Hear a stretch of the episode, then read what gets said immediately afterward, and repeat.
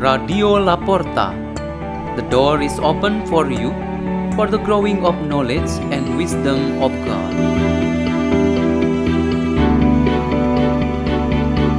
delivered by Yosefina from Roh Kudus Church Labuan Bajo, Diocese of Ruteng, Indonesia.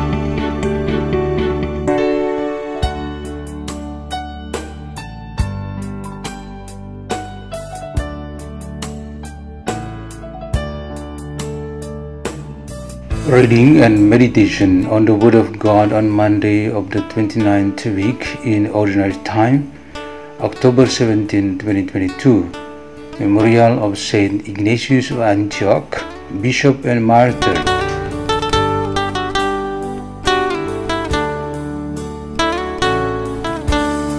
The reading is taken from the Holy Gospel according to Luke.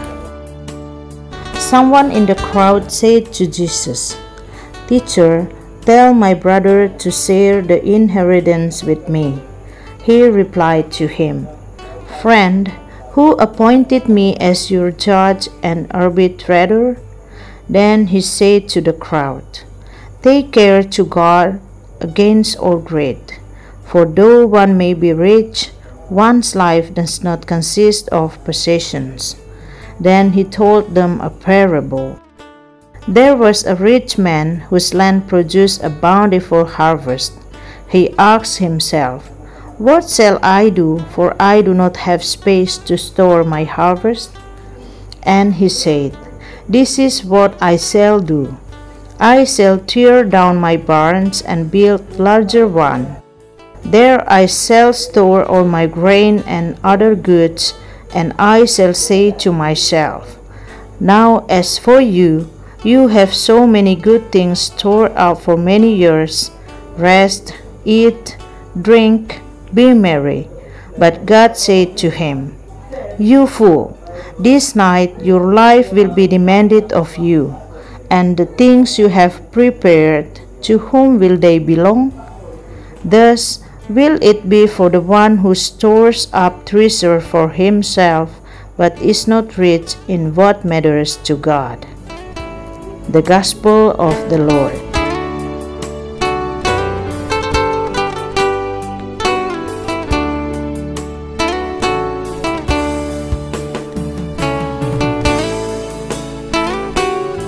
The theme for our meditation today is Our Place with Christ in Heaven. For believers, heaven and earth have a very strong connection. Their lives must not merely stop in the world, but must continue to eternity in heaven. Actually, we are not forbidden to gather and to possess many things of this world, such as material things and goods. We need clothes, food, and house. We need each other to live together and to communicate. We need money to buy and sell things. However, it would be a mistake and a real loss will happen to us if all things that we have accumulated in this world will prevent us from seeing the future of our lives after death. It will be a very severe disaster if all the things of this world block our way to have a direct contact with God. There are two brothers who thought that the fate of their lives was simply determined by the distribution of property between the two of them.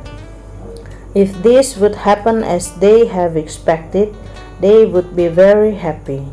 This type of seeing at life does exist in those who pursue treasures of the world to the point of sacrificing other aspects of life such peace of mind and heart, comfort and harmony of life in the family, brotherly relationship and spiritual growth. There is a couple who was working so hard because they wanted to accumulate as many wealth as possible when they were still young. By only focusing on this one aspect, however, their two young children were not properly cared for. Health situation and normal growth of their children were really disturbed. They often missed opportunity to pray and worship to Lord. Their spiritual life was dry, and at one point, their marriage was on the brink of collapse. Each of them was no longer an attraction for his or her partner. Each has opted for enjoyment outside their own family, especially in having affection and unlawful relationship with other women and men. This is an example of a very bad family life as a consequence of too much influence by the things of the world while spiritual life and growth in faith are neglected. To do something against this bad attitude, the Lord Jesus gives us an advice to lead us to such a life that does not depend all on the wealth of this world. This does not mean that we make balance in having things of earth and of heaven to be 50% by 50%. This is not actually the best choice that we can make because the risk to side with worldly orientation would be very easy. It is better if we make the orientation towards heaven rather bigger, that is, starting with 51% upwards. This is a very useful teaching that can assure all of us to reach eternal home with Christ in heaven as something possible and achievable. This is the message of St. Paul in his letter to the Christian community at Ephesus, which is our first reading today. Let's pray.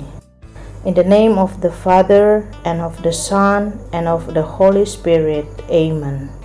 O Lord Jesus Christ, may our journey of life keeps leading us to your dwelling place in heaven, although we always encounter problems and temptation along our journey of faith.